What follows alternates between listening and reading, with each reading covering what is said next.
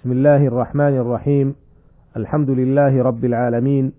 وأصلي وأسلم على أشرف الأنبياء والمرسلين نبينا محمد وعلى آله وأصحابه أجمعين والتابعين ومن تبعهم بإحسان إلى يوم الدين.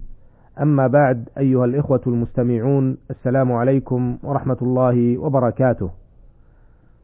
تحدثنا في حلقة سابقة عما رواه الشيخان عن أبي جحيفة وهب بن عبد الله السوائي أنه قال أتيت النبي صلى الله عليه وسلم وهو في قبة له حمراء من أدم قال فخرج بلال بوضوء فمن ناضح ونائل. فخرج النبي صلى الله عليه وسلم وعليه حلة حمراء كأني أنظر إلى بياض ساقيه. قال فتوضأ وأذن بلال.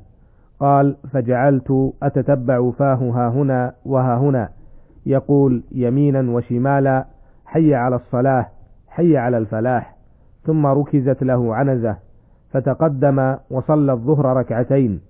ثم لم يزل يصلي ركعتين حتى رجع إلى المدينة متفق عليه. فعرفنا ما في هذا الحديث من أحكام وفوائد جليلة تتعلق بالأذان والإقامة وحكمهما وأنهما فرض كفاية وأن الأذان هو النداء الذي ينادى به للصلاة. وعرفنا تلك الكلمات العظيمة التي في هذا النداء وما تشتمل عليه من كلمة التوحيد الخالص.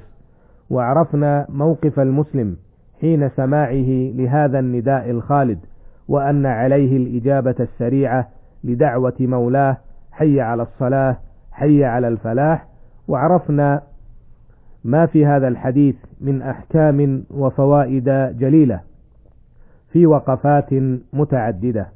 وفي هذه الحلقة نتحدث عما رواه الشيخان عن عبد الله بن عمر رضي الله عنهما عن رسول الله صلى الله عليه وسلم أنه قال إن بلالا يؤذن بليل فكلوا حتى يؤذن ابن أم مكتوم.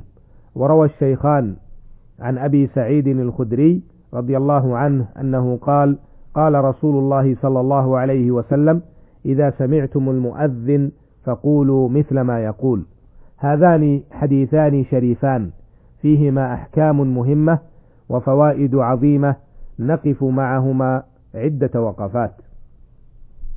الوقفة الأولى مما يفيده حديث عبد الله بن عمر رضي الله عنهما جواز الأذان لصلاة الفجر قبل دخول وقتها. ذلك أنه كان للنبي صلى الله عليه وسلم مؤذنان. بلال بن رباح وابن أم مكتوم رضي الله عنهما وكان ابن أم مكتوم كفيفا ضرير البصر فكان بلال رضي الله عنه يؤذن لصلاة الفجر قبل طلوع الفجر والسبب في ذلك أنها تقع وقت نوم ويحتاج الناس إلى الاستعداد لها قبل دخول وقتها فدل على مشروعية الأذان لصلاة الفجر قبل دخول وقتها وهذا ما ذهب إليه الجمهور.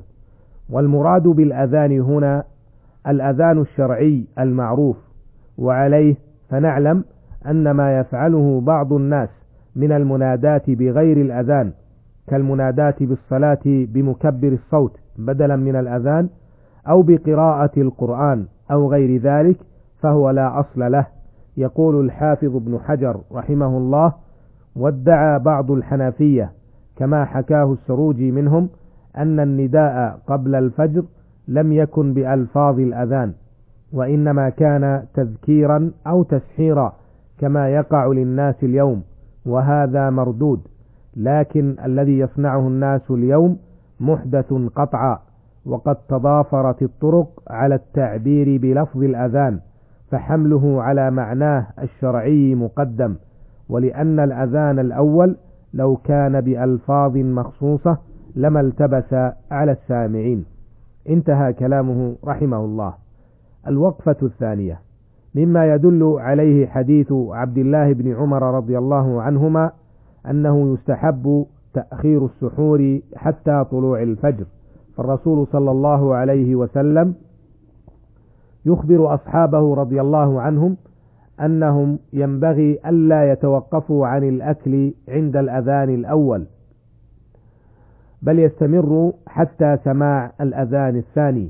روى البخاري عن عبد الله بن مسعود رضي الله عنه عن النبي صلى الله عليه وسلم أنه قال لا يمنعن أحدكم أو أحدا منكم أذان بلال من سحوره فإنه يؤذن أو ينادي بليل ليرجع قائمكم ولينبه نائمكم وليس أن يقول الفجر أو الصبح وقال بأصابعه ورفعها إلى فوق وطأطأ إلى أسفل حتى يقول هكذا.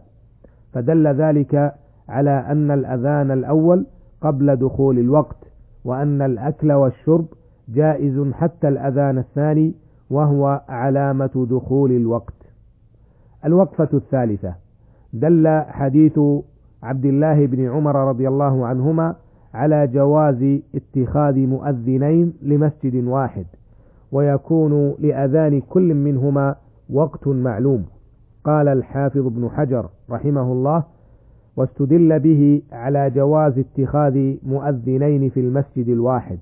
قال ابن دقيق العيد رحمه الله وأما الزيادة على الاثنين فليس في الحديث تعرض له. انتهى. ونص الشافعي على جوازه ولا يضر إن أذن أكثر من اثنين. انتهى. لكن ينبغي التنبيه أن الاثنين لا يؤذنان في وقت واحد وإنما المقصود كما هو ظاهر في الحديث يؤذن واحد لوقت وآخر لوقت آخر. الوقفة الرابعة. يدل حديث أبي سعيد الخدري رضي الله عنه على استحباب إجابة المؤذن بأن يقول السامع كما يقول المؤذن كما هو نص الحديث.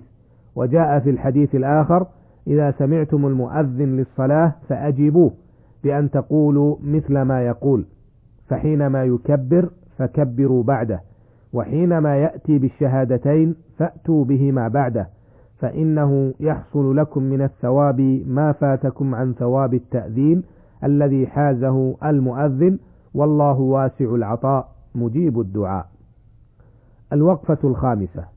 ظاهر الحديث أن السامع يجيب المؤذن بمثل ما يقول في كل جمل الأذان لكن الذي عليه جمهور العلماء أن المجيب عند قول المؤذن حي على الصلاة حي على الفلاح يجيب بقوله لا حول ولا قوة إلا بالله كما ورد في صحيح مسلم رحمه الله عن عمر بن الخطاب رضي الله عنه وفيه ثم قال حي على الصلاة قال لا حول ولا قوة إلا بالله ثم قال حي على الفلاح قال لا حول ولا قوة إلا بالله.